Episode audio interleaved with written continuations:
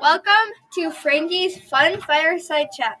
Let's go back to the 1930s when the state's econo- economy has slowed down. The stock market has crashed, banks have failed, and millions people and millions of people are unemployed.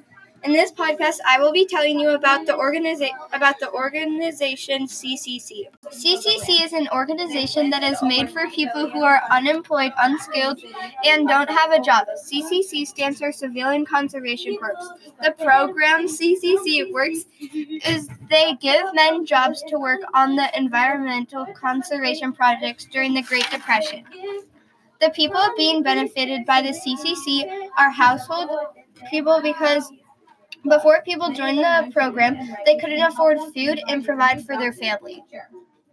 But after they joined CCC, they could provide food for their families and buy daily things with their money.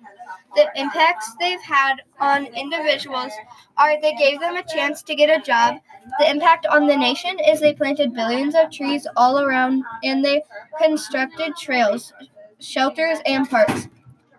An interesting fact I learned was uh, was that about 57,000 men learned how to read and write at the camps.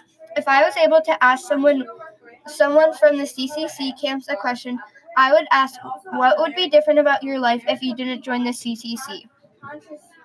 Thank you for listening to my boring podcast. I hope you learned a small amount of how the US government helped support people during the Great Depression. Thank you.